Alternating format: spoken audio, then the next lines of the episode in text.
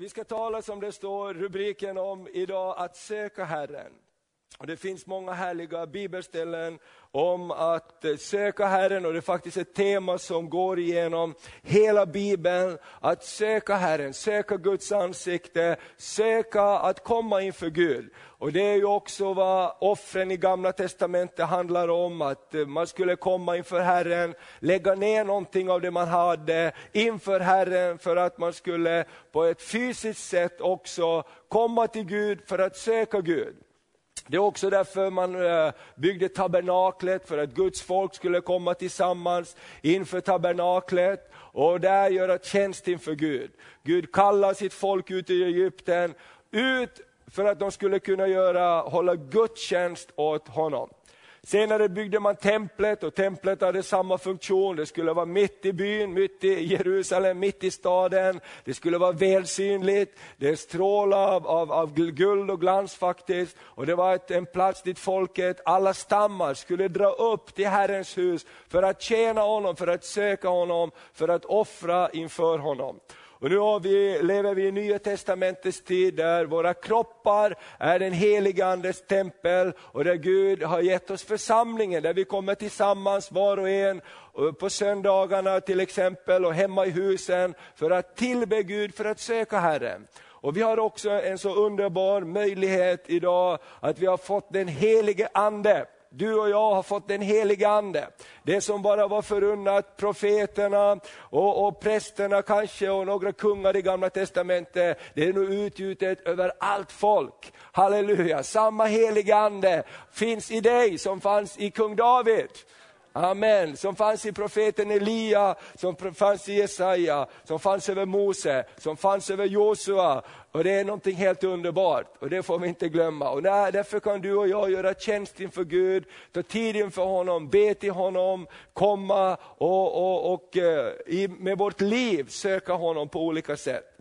Och Det här med att söka Gud, att lägga, sätta Gud först, det tror jag är någonting som vi behöver göra till en livsstil hos oss. Och Det är någonting som tar lite tid att, att bygga in, men jag tror det är viktigt att vi uppmuntrar varandra till det. Vi ska läsa några bibelställen från Nya Testamentet som påminner oss om att söka eh, söka Gud. Det första är ifrån Markus 13, och vers 44-46. Det handlar om skatten i åkern.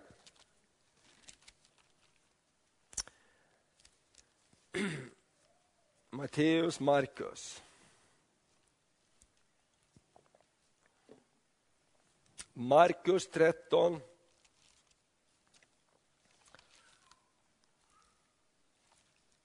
Och från vers 44.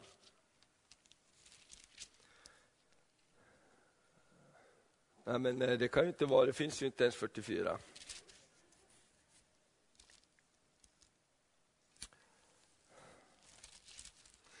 Skrev upp fel. Hon som finner skatten i åkern. Matteus 13. Låter det bättre? Matteus 13.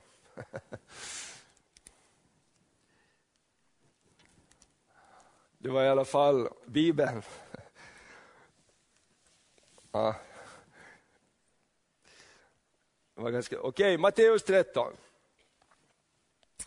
Eh, och eh, här har vi de olika liknelserna. Och i vers eh, 44 så är liknelsen om skatten och pärlan. Och då säger Jesus så här, himmelriket är likt en skatt som är gömd i en åker. En man finner den och gömmer den. Och i sin glädje går han och säljer allt vad han äger och köper den åkern. Himmelriket är också likt en köpman som söker efter vackra pärlor och när han har funnit en mycket dyrbar pärla går han och säljer allt vad han äger och köper dem. Himmelriket är likt en skatt som är gömd i en åker. En man finner den och gömmer den och i sin glädje går han och säljer allt vad han äger och köper den åkern. Det är det Gud handlar om. Gud är som en skatt. Gud är någonting som är värt att ge upp någonting för. Och det är det här det handlar om att söka, att söka någonting. Det handlar om att jag måste sätta min uppmärksamhet på det jag håller på med. Man kan inte göra det i andra hand. Du kan inte söka någonting som är viktigt i andra hand. Utan det som är viktigt, det söker du med full intensitet för att finna. Eller hur? Och vi har sagt det att om man tappar någonting så, så, så det står så här också, vi ska läsa om den andra kvinnan i Lukas 15. Hon som tappade myntet och hon vände upp och ner på hela huset. Lukas 15.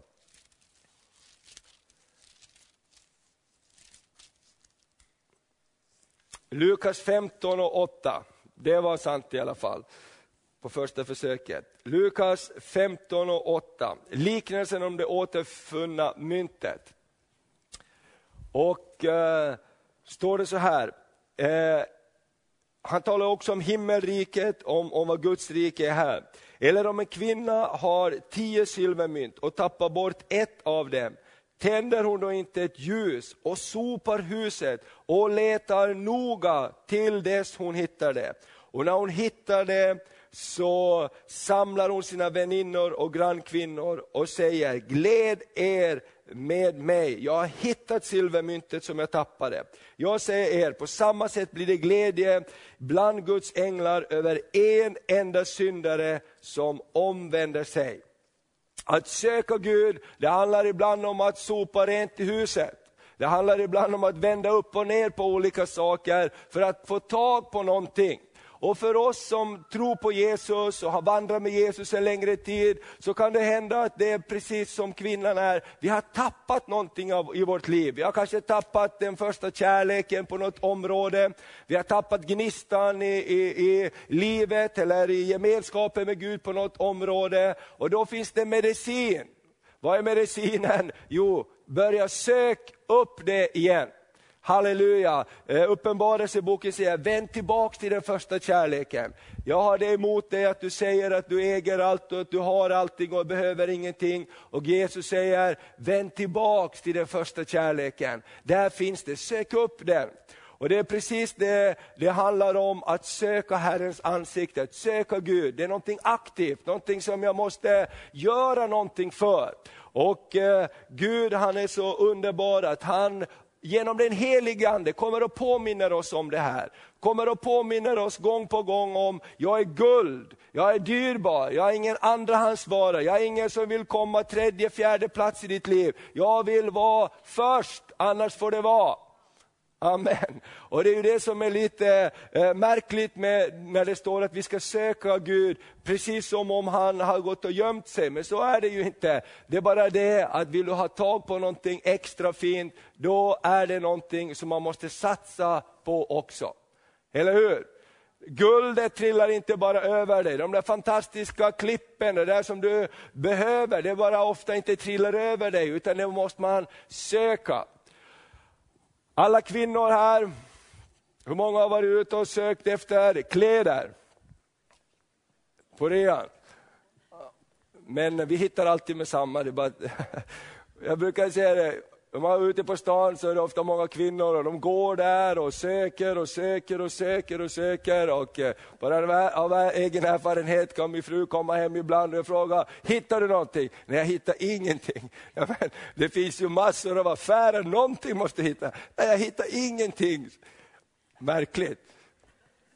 Men så kan det vara, därför man söker någonting. Det måste liksom vara, det måste vara rätt längd, rätt bredd, rätt färg, rätt liksom känsla för just nu. Om det ska passa in precis nu.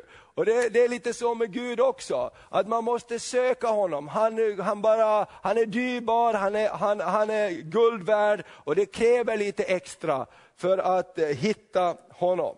Och i samma kapitel har vi liknelsen här ifrån vers 1 om det förlorade fåret står så här, alla publikaner och syndare höll sig nära in till Jesus för att förhöra honom. Men fariseerna och de skriftlärde kritiserade honom ständigt och sa det. Tänk vilket, vilket jobb, det var någon som ständigt gick efter och kritiserade honom för allt vad han sa. Ständigt så kritiserade honom och sa det, den mannen tar emot syndare, han äter tillsammans med dem. Då berättar Jesus denna liknelse för dem. Om en av er har hundra får och förlorar ett, lämnar han då inte det 99 i öknen och går och söker efter det förlorade tills han hittar det. Och, han, och när han har funnit det blir han glad och lägger det på sina axlar. När han sedan kommer hem samlar han sina vänner och grannar och säger till dem, gläd er med mig, jag har funnit mitt får som jag hade förlorat. Jag säger er, på samma sätt så blir det glädje i himlen över en enda syndare som omvänder sig. Inte över 99 rättfärdiga som ingen omvändelse behöver.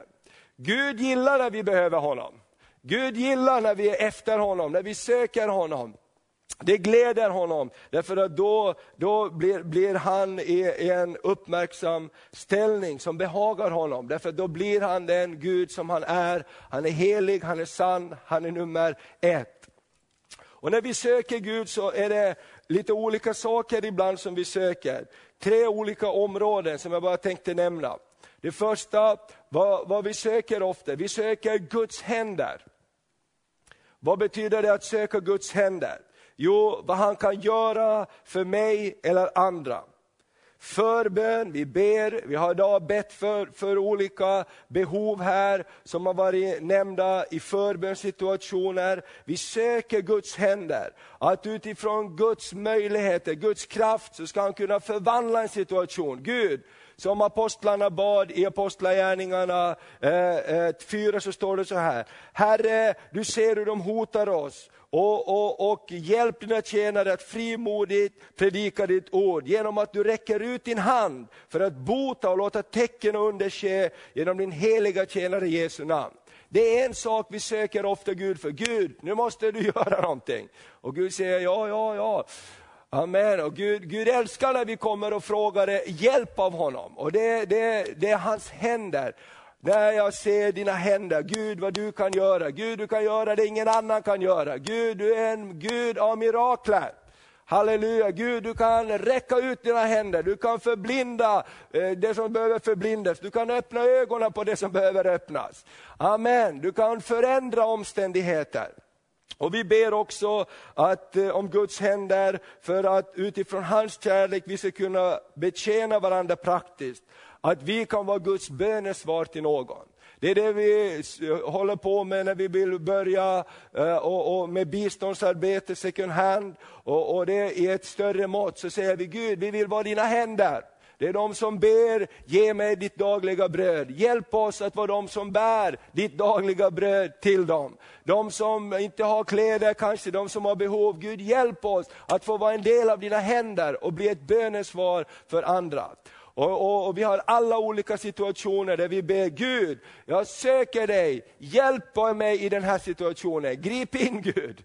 Vi vet inte vad vi ska be alltid, men vi bara ber, ber, ber att vi, vi måste ha en förändring här. Och Gud är så underbart god att han, han, han svarar oss när vi söker honom. Och sen så, ett annat område, det är att söka Guds ansikte.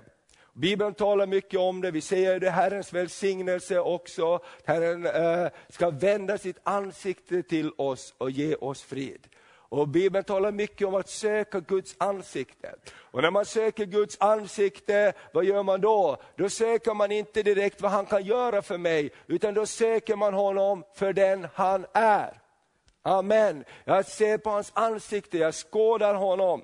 Jag vill lära känna hans väsen, hans karaktär. Jag vill lära känna Gud, vem är du? Fadern, Sonen, den helige Ande. Jag bryr mig inte om just nu vad du kan göra för mig, utan jag vill bara lära känna dig. Jag vill se ditt ansikte. Jag vill känna din närvaro, jag vill titta på dig, jag vill skåda på dig. Och eh, Det är eh, ett område tror jag som vi behöver träna oss i, för att vi är lätt att fastna i det första området, Gud hjälp mig, Gud gör någonting för mig. Men när vi kommer in för att söka Guds ansikte, till exempel i lovsång, som är också en träning att prisa Gud utan att vänta direkt på att vad ska jag få för det här. Utan vi prisar Gud för att vi vill söka hans ansikte. Vi vill välsigna dig pappa, vi vill välsigna dig Gud, vi vill, vi vill komma och göra tjänst inför dig.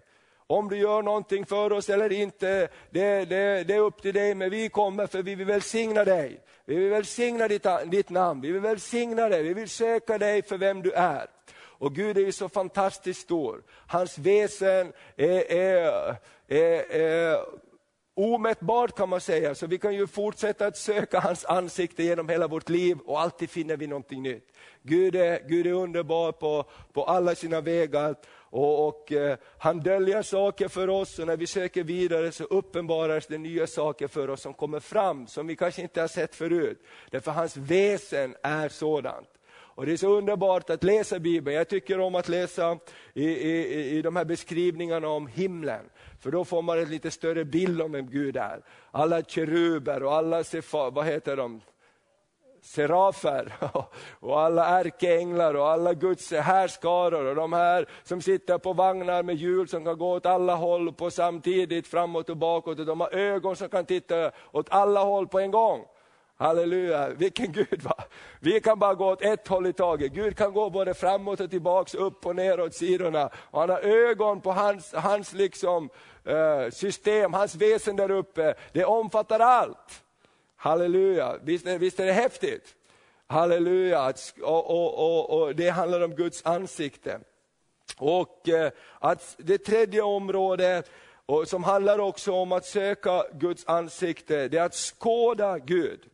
Nu skulle vi kunna ta många bibelord på det här och eh, ska vi inte göra just nu, men under våren här, kanske du såg i församlingsbrevet, ska vi ha åtta tillfällen som kallas Min bibel och jag. Och då ska det handla mycket om att eh, studera Bibeln. Vi kommer inte att ha ämnen som vi brukar ha om helande, om tro och så direkt, utan det handlar om min bibel och jag. Vi kommer ha en studieplan vi kommer att följa och studera Guds ord tillsammans. Och studera kanske lite sådana här områden om Guds väsen. Vem är Gud? Och sådana saker. Så häng gärna med på det så, så, så djupdyker vi lite mer i det. Men det här tredje området, alltså att skåda Gud, det är att stanna upp inför honom. Meditera, begrunda på Guds storhet. Bara va, vara inför honom. Och vandra inför honom, som Gud sa till eh, Abraham, vandra inför mig. Och bara det att du är ett Guds barn så har du ett existensberättigande i att skåda Herren, att vara inför honom. Och Det här tror jag också är någonting som vi behöver träna på, som ofta eh, fokuserar på den första punkten. Gud, gör någonting! Gör någonting! Ser du inte hur det är i landet? Gör någonting!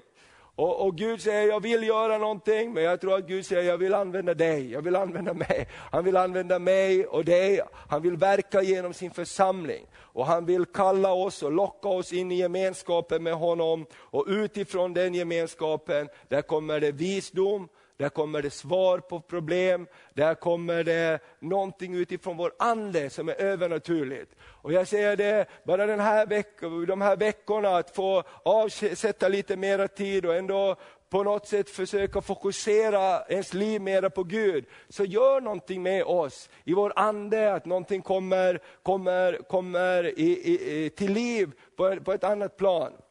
Vi hade bara här, Maria påminde om det var bara förra veckan tror jag vi hade ett alarm här på natten, larmet gick och, och, och räddningstjänsten tänkte säga, men det här vaktbolaget ryckte ut och, och kollade här och det var ingenting, de var snabbt här och så här, vi fick bara en rapport på det. Och så sa Maria, vad märkligt det var, för samma, samtidigt ungefär 12 på natten därefter, så, så bara, jag brukar lite prata i sömnen ibland så här.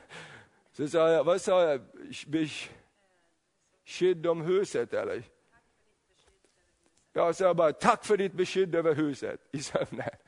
Jag tänkte, vad är det? Det är ju Gud som ber igenom oss, i oss. Och det handlar ju inte om min anledning, det handlar om Gud som bor i mig. Jag sov, jag vet ingenting. Men hon liksom var, hade inte somnat ännu, så hon hörde att jag grymtade mina ljud och sa, Gud tack för beskydd kring huset. Halleluja. Och sen var det så märkligt, så sa han nästa dag att, att det, vi hade en lapp där från, från vaktbolaget, de har varit här, larmet har gått och så vidare. Och, och vad det nu var. Men jag tänker, vad härligt, det finns en ytterligare dimension i den helige Ande, som jag tror att Gud längtar att föra oss in i. Amen. Längtar du efter det? Halleluja. Och, och det här just att våga stanna upp och skåda Herren. Vi tittar i Psaltaren 8, är ju sån här psalm där, där David talar om det här. Psalm 8. Där David stannar upp och skådar Gud.